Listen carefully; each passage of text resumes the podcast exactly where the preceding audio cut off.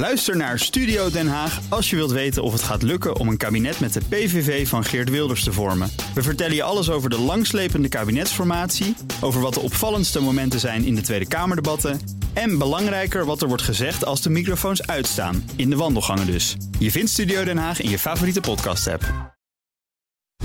Cryptocast wordt mede mogelijk gemaakt door Bitfavo, de crypto-exchange van Nederland. BNR Nieuwsradio. Cryptocast. Herbert Blankenstein. Welkom in de Cryptocast. Vandaag, de Amerikaanse Bitcoin Spot ETF's zijn vijf weken oud. Zijn ze intussen een succes? En hoe staat het ervoor met soortgelijke producten voor Ethereum? En de rechtszaak tussen de Cryptocurrency Open Patent Alliance enerzijds en Craig Wright anderzijds nadert zijn ontknoping. Dit is Cryptocast 312 met mijn co-host Daniel Mol. Hoi. Goedemiddag, Herbert. Redacteur bij Cryptocast en BNR Digitaal. Wij geven geen beleggingsadvies. Voor je eigen mening, maak je eigen keuzes en geef ons niet de schuld. Crypto kan lucratief zijn, maar is ook riskant. Ja, die uh, Bitcoin Spot ETF's, Daniel, die zijn uh, nu een maand en één week oud. Uh, hoe doen ze het eigenlijk? En ehm, is die goedkeuring van soortgelijke dingen voor Ethereum eigenlijk intussen een formaliteit? Laten we het eerst even hebben over het succes. Zeker. Ja, nou, het gaat eigenlijk hartstikke goed. Uh, ja. Ik durf wel voorzichtig inmiddels de conclusie te trekken dat ze uh, echt een succes zijn geworden. Uh, gisteren was de Amerikaanse markt dicht, want het was President's Day. Um, dus we moeten het met cijfers van voor vorige week doen. Ja. Nou, de afgelopen 16 dagen waren groen. Dus dat betekent dat er meer instroom was dan uitstroom bij de over kalenderdagen of handelsdagen? Handelsdagen. Handelsdagen. Uh, en dan, dan hebben we het dus over honderden miljoenen per dag die dus netto instromen. Ja. Uh, dat is heel bijzonder al. Nou ja, je kan ook een beetje de, de, de vergelijken met ETF's die we al kennen. Um, de, de Bitcoin ETF's en dan vooral die van BlackRock, IBIT heet die. Die, kunnen zich, die kan zich echt meten met de grootste ETF's ter wereld. Dus dat zijn dan echt de, de belangrijke S&P 500 trackers, de belangrijkste Nasdaq tracker. Um, een andere leuke vergelijking die ik ook al in de CryptoCast hier heb gemaakt, is de vergelijking met uh, GLD. Dat is de populairste goud-ETF. En dat was ook de allereerste ETF ooit op de Amerikaanse markt. Um, het duurde twee jaar voordat die op het punt staat waar de BlackRock ETF nu staat. Qua na 16, instroom van kapitaal. Na 16 handelsdagen. Ja, nou, iets, ietsje meer nog. Uh, maar inderdaad, uh, uh, precies dat. Nou ja, er zijn allerlei dingen die je nog kan zeggen. Inflatie, het is 20 jaar oud, die ETF. Ja, en, en Grayscale liep leeg in de andere ETF's. Daar is ook wat voor te zeggen. Dus, maar als je alles bij elkaar optelt, is het toch wel echt een heel bijzondere lancering. En dat zien ja. ook de, de, de analisten van Bloomberg bijvoorbeeld, zien dat ook echt. Ja. ja, en je hebt het ook in de koers gemerkt? Zeker. Dus ja, daar gaan we vanuit. Zeker. Ja, nee, de Bert Slachter zou daar misschien zo nog wel ja, iets wat zeker, over kunnen zeggen. Maar de, het, het, het versterkt elkaar ook. Hè. Dus de, de koers van Bitcoin stijgt, dan, dan wordt het ook aantrekkelijker om die ETF te gaan kopen. Je, de, meer kopers krijg je als de koers stijgt. Zo zeker, zeker. Um, je noemde BlackRock al. De andere um, winnaar is Fidelity. Ja. Um, is er een ranglijst te maken? Nou ja, BlackRock is dus echt wel de grote winnaar. Uh, heel lang was het een beetje een tweestrijd, uh, leek het. Nou, BlackRock die heeft nu 5,4 miljard ongeveer in de kluis aan, aan Bitcoin. Uh, en Fidelity volgt met 3,7 miljard. Dus daar zit wel echt verschil in. daarna heb je ARK en Bitwise die ongeveer ook nog 1 miljard in kluis hebben. En dan zijn er wat, wat minder succesvolle aanbieders. Ja. Um, en het is toch wel opvallend dat uh, niet dat BlackRock en Fidelity de grootste zijn, want dat zijn twee grote Wall Street reuzen. Maar ook dat zij de bevestiging krijgen dat ze niet op een dood paard hebben zitten gokken. Dat, het, dat, dat Bitcoin echt een hele slimme, goede keus voor. Daar zat echt brood in. Die partij is geweest. Ja, en het, ja. het levert gewoon keihard, uh, keihard dollars op, vooral uh, voor, voor die partijen. Ja, dan noemde ik Grayscale al. ja, daar lopen de klanten massaal weg. Um, is die uitstroom intussen een beetje tot staan gekomen? Ja, nou die, die, die, die kalft wat af, zeg maar. Dat, dat, dat neemt langzaam af. Uh, in totaal is er 7 miljard uh, uit dat fonds weggelopen. Heeft verschillende redenen. Nou ja, Grayscale begon al met een flinke kapitaal door hun, door hun verleden. Ze hanteren nu een heel hoge fee. Dus er, zijn, er zullen veel mensen zijn die zoiets hebben van... ja, ik ga niet voor anderhalf procent per jaar in dat fonds blijven zitten... als ik voor 20, 0,2 procent, 20 basispunten bij BlackRock uh, onder de pannen kan zijn. Ja. Um, en uh, heel veel grote partijen, bijvoorbeeld FTX, die hadden ook heel veel aandelen in dat Grayscale fonds. FTX, Genesis. Eh, precies, daar kom ik zo op. Oh. FTX heeft voor een, een miljard eh, aan aandelen geliquideerd. En Genesis inderdaad deze week eh 1,6 miljard aan GBTC aandelen verkocht. Ehm, dat is wel opvallend. Het zou de Bitcoin-prijs waarschijnlijk niet heel veel onder druk gaan zetten. Want het best interessant. eh, de schuldeisers van Genesis die willen eigenlijk hun Bitcoins terug. En niet zozeer de dollarwaarde van die Bitcoins. We hebben het vaker Ja. over hier. Als er, Ja. als er partijen failliet gaan, die krijgen, dan krijg je een hoop dollars terug. Terwijl je veel liever je Bitcoin had willen. Of de terugbetalingen van Mt. Gox. Precies, ja. Nou, er- zijn allerlei voorbeelden te bedenken. Ja. Eh, dus kijk, voor de Bitcoin-prijs is het niet zo'n niet zo'n issue, niet zo'n eh, niet zo'n neerwaartse druk. Alleen eh, als je het hebt over de, de uitstroom bij Grayscale, 7 miljard, is dat toch wel echt veel. Is meer dan bijvoorbeeld er nu in het BlackRock fonds. Ja, je vraagt je wel af, heeft Grayscale dit niet voorzien?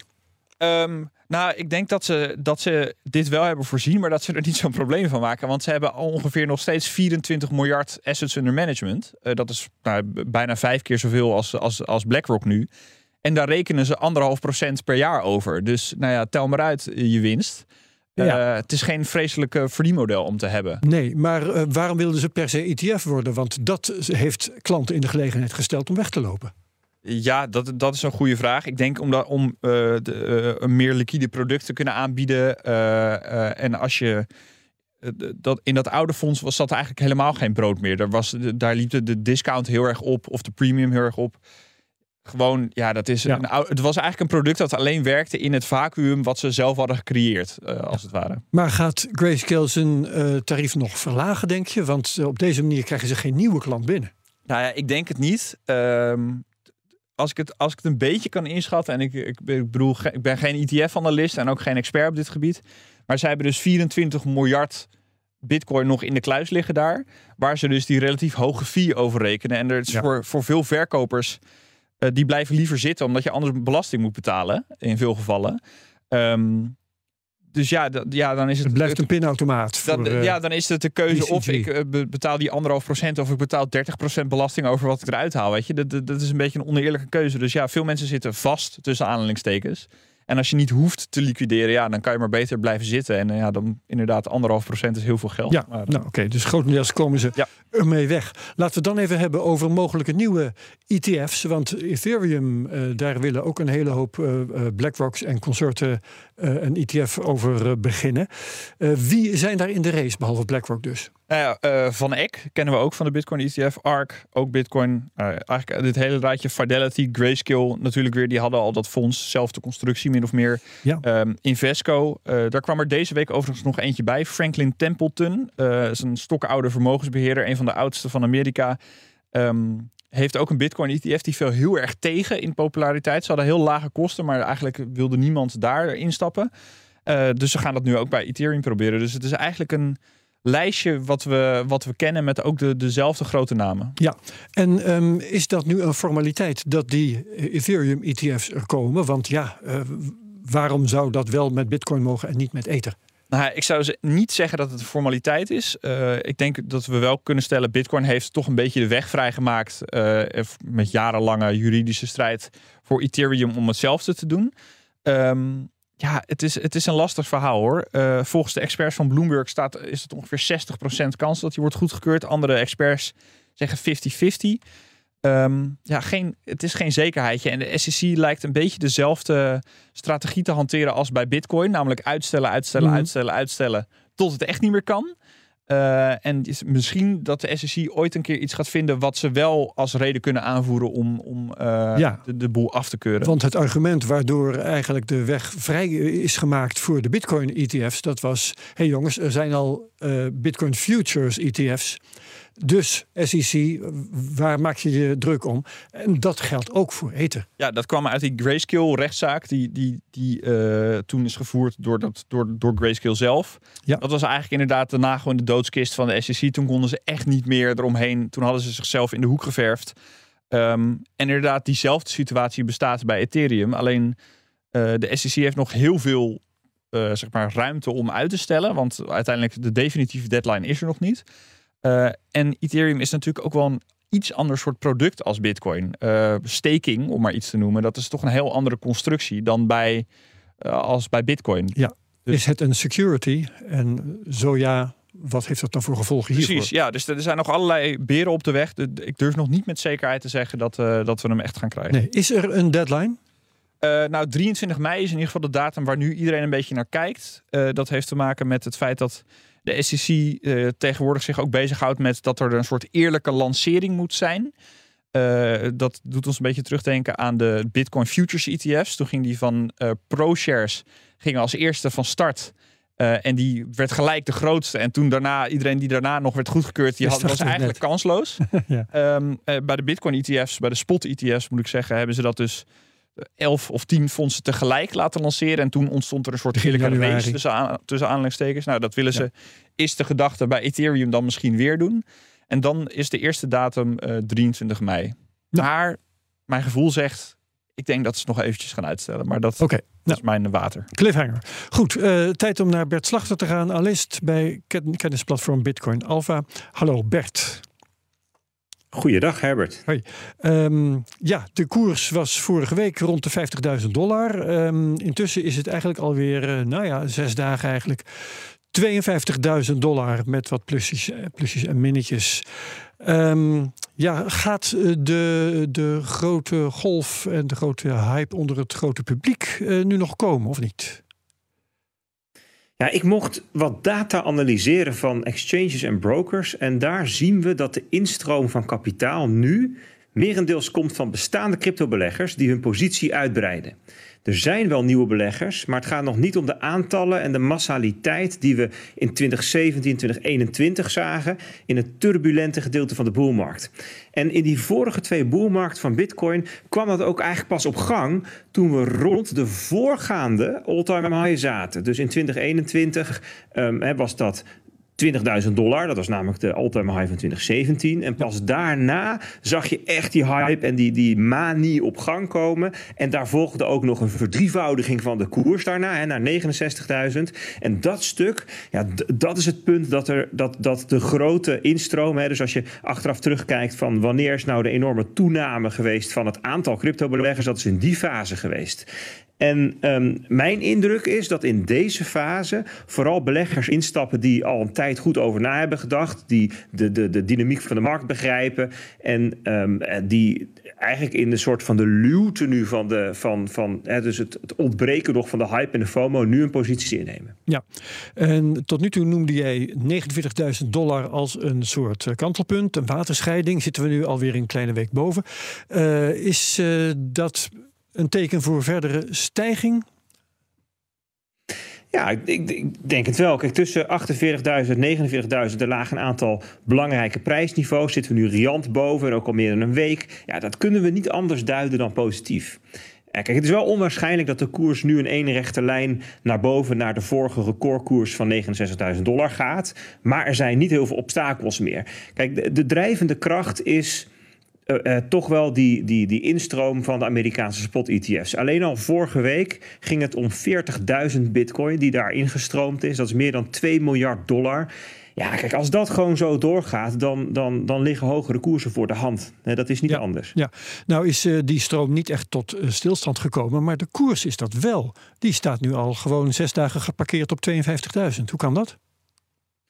Ja, waarvan drie dagen dus ehm, een, een, de beurs die dicht is. Hè. Dat vergeten we als cryptomarkt ehm, eh, nog wel eens of, of beleggers. Dat, ja, dat gaat 24-7 door. En die ETF's die zijn gewoon gebonden aan de handelsdagen. Ehm, dus voor een gedeelte is dat niet gek. Maar ook als de beurs open was geweest, had dat kunnen gebeuren. Kijk, op termijn van dagen zijn er, kunnen er allerlei andere krachten groter zijn. Hè. Macro-economische krachten of beleggers die winst nemen op een bepaalde koers. Nou ja, van beide heb je denk ik nu, eh, is nu sprake. Hè. Vorige week hadden we best wat macro-economische eh, eh, data die binnenkwam. Die ook op de beurs bijvoorbeeld voor een, voor een ja, toch even een reactie zorgde. Ehm, en ik denk ook dat ja, koers boven de 50.000 dollar hè, voor ja, allerlei groepen beleggers toch een moment is nou, om wat winst te nemen. Of, en zelfs nog voor een bepaalde groep. De groep die namelijk op de top ingestapt is, is dit misschien het, het, punt dat ze ja, zonder veel verlies kunnen uitstappen. Ja. Ehm, Laten we eens even kijken naar de, de macro-economische cijfers. Zijn er op dit moment, want, want, eh, misschien valt het in het niet bij die instroom uh, bij de ETF's, maar zijn er op dit moment nog uh, inflatiecijfers of rentetarieven waar we ons zorgen over moeten maken? Ja, nou, dat, er is wel wat meer onrust dan het afgelopen half jaar. We hebben best wel een rustig half jaar achter de rug wat monetair beleid of de zorgen daar, daarover betreft. Um, het gaat nu eigenlijk allemaal voor de markt om de vraag of de inflatie voldoende daalt om een aantal renteverlagingen dit jaar te rechtvaardigen. Dat is eigenlijk waar de markt op anticipeerde. En een gedeelte van die renteverlaging is inmiddels weer uitgeprijsd. Dus de markt houdt er even geen rekening meer mee. Nou, deze week publiceert de Amerikaanse centrale bank de notulen van de vorige vergadering. En daar staan misschien aanwijzingen in over hoe zij hierover denken, hoe ze erover redeneren, welke inflatiecijfers ze naar kijken. Ook krijgen we deze week wat cijfers over de Amerikaanse productie en de werkgelegenheid. Ja, zijn die nou heel sterk, dan kunnen beleggers dat interpreteren als een aanwijzing dat de inflatie hoog blijft. Hè. Als de economie sterk is, dan, eh, dan, dan kan hè, dus vraag sterk, kan de inflatie hoog blijven. Ja. Dus ja, je ziet wel wat meer onrust, wat meer gespannenheid over ja, hoe, hoe gaat dat monetair beleid dit jaar nou uitpakken. Ja, ik verwacht eigenlijk dat we pas eind maart bij de volgende vergadering van de Fed pas echt meer duidelijkheid krijgen. Dus ja, het kan best zijn de komende weken dat we nog wat wispelturigheid zien op de financiële markten. Ja, nog wat uh, ruis bij het uh, signaal waar we het over hebben gehad. Dankjewel. Exact. Bert Vlachter, analist bij kennisplatform Bitcoin Alpha. Uh, wij gaan hier verder in de studio, Daniel Mol en ik, met de rechtszaak tussen de COPA, de Cryptocurrency Open Patent Alliance, en Craig Wright, de man die pretendeert Satoshi Nakamoto te zijn. Gaat zijn derde week in, die rechtszaak. COPA wil aantonen dat Craig Wright niet Satoshi is de nog altijd anonieme bedenker van Bitcoin. Oké, dus dat is de inzet, inzet van die rechtszaak, Daniel. Ja, en de COPA, dat is goed om te vertellen, is een initiatief van Jack Dorsey, Twitter-oprichter. Ja. Uh, en die is opgericht eigenlijk om, om figuren als Craig Wright, maar eigenlijk hebben we het vooral over Craig Wright zelf. Dit moment wel. Een halt uh, toe te roepen. En zij willen dus inderdaad aantonen, jongens, hij is niet Satoshi Nakamoto. Hij kan ook geen copyright claimen over het Bitcoin whitepaper. Want als hij dat wel heeft, dan kan er eigenlijk niet meer ontwikkeld worden. Daar komen we zo wel op. Um, en die Craig Wright is ook een heel vervelende man. Want omdat hij zelf claimt Satoshi Nakamoto te zijn, begint hij om de haverklap allerlei rechtszaken om Bitcoin-ontwikkelaars kwijt uh, of uh, dwars te zitten om zijn eigen token. Dat is namelijk Bitcoin SV, een soort Bitcoin-clone, maar dan slecht. Eigenlijk in een goed daglicht te zetten. Nou, het is een heel vervelend verhaal. En dit moet een einde maken aan al die uh, vervelende al die pretenties van hem. van hem.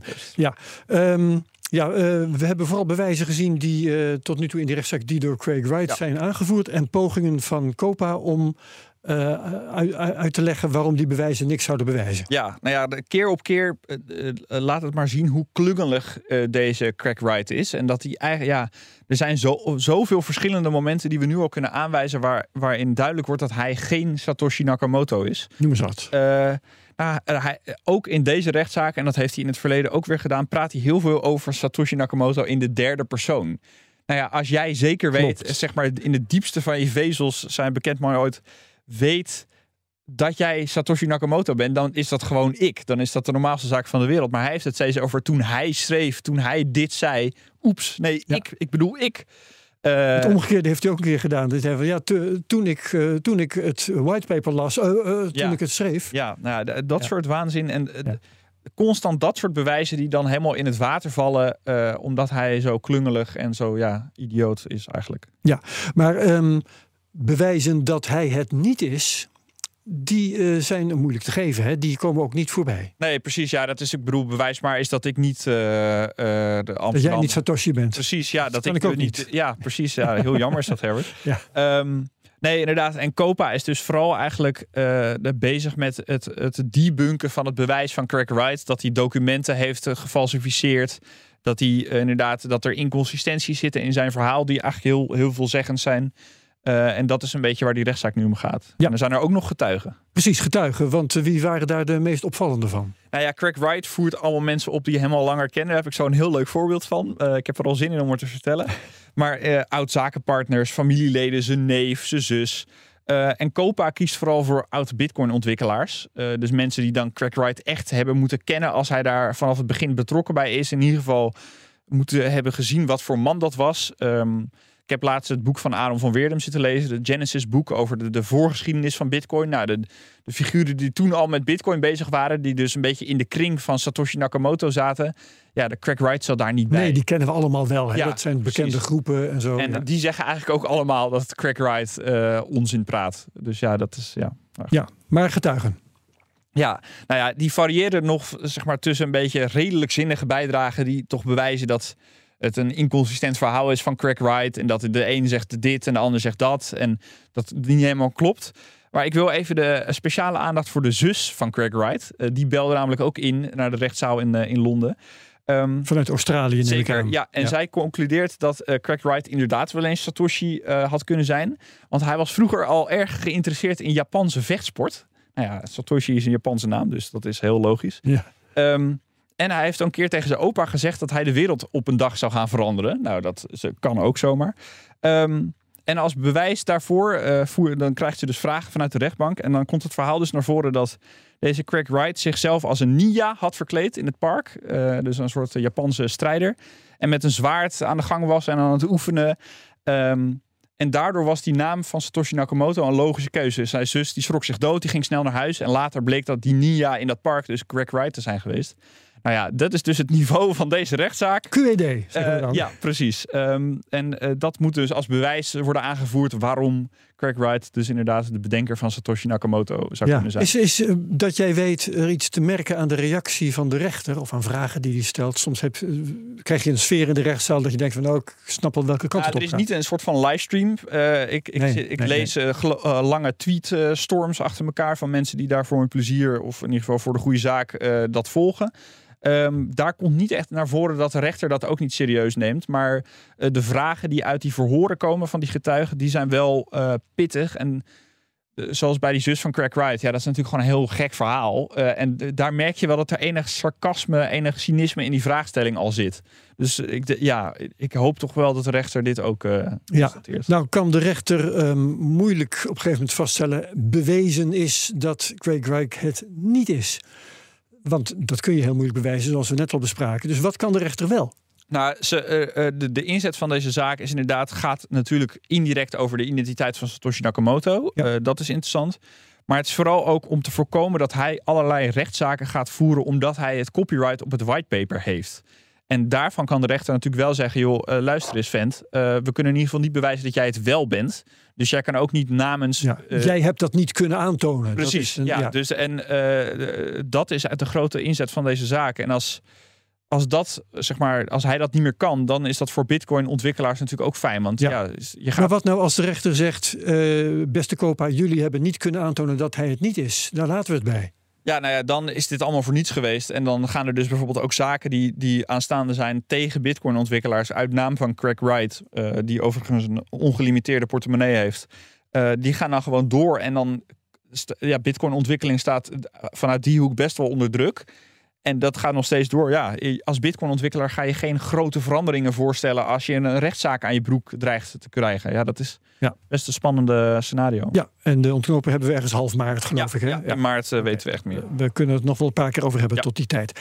Ehm, we gaan ook nog een podcast opnemen. Wie hebben wij te gast? Ja, Ben van Hol, eh, dat is een Vlaming. eh, en die is betrokken bij Jan 3, eh, Jan 3 moet ik zeggen. Is dat 3 januari soms? Zeker, ja. En Ja. dat is de datum van, waarop eh, Bitcoin het eerste blok eh, Dacht ik al. Ja. werd gemined. Dat is allemaal symbolisch. Maar zij zijn bezig, eh, Amerikaanse partij van oorsprong, zij zijn bezig met eh, regeringen eigenlijk warm maken voor Bitcoin-adoptie op allerlei verschillende manieren. En zij hebben al zeker ambitieus. En zij, zij zitten natuurlijk met El Salvador veel aan tafel. Zij hebben al met de president van Suriname gesproken. Bij Colombia zijn ze langs geweest, Costa Rica. Nou, een hele rij landen. Ehm, Madeira is ook een soort half Bitcoin-eiland een beetje aan het worden. Eh, en zij zitten er allemaal eh, in. En ik ben eigenlijk heel benieuwd hoe ga je nou een gesprek aan met de regering en hoe ga je ze overtuigen voor Bitcoin? Ja, Hoe kom je aan tafel en wat zeg je tegen ze? precies. Ja, dus dat is. eh, ja, ik ben vreselijk nieuwsgierig wat, wat Ben te zeggen heeft. Ik ben er zelf ook een beetje kritisch op, want Ik denk, ja, wat moet in godsnaam uh, Suriname met bitcoin? Maar ja, Bijvoorbeeld. aan de andere kant, misschien hebben ze wel een heel goed idee. Dus we gaan het horen. Oké, dat is mooi. Um, ik vraag me er ook op. Tot zover de Cryptocast op BNR. Dankjewel Daniel Mol als co-host. Wie meegaat naar die podcast, hartstikke graag. Zo niet, dan is het ook prima. En dan graag tot de volgende week bij de Cryptocast op BNR. Dag. Cryptocast wordt mede mogelijk gemaakt door Bitfavo, de crypto-exchange van Nederland. Ook Liesbeth Staats vind je in de BNR-app. Ja, heel handig. Luister live naar Kees en mij tijdens de Daily Move. Dan blijf je ook gelijk op de hoogte van breaking news en het laatste zakelijke nieuws. En daar vind je ook alle BNR-podcasts, waaronder de Perestrooikast. Download nu de gratis BNR-app en blijf scherp.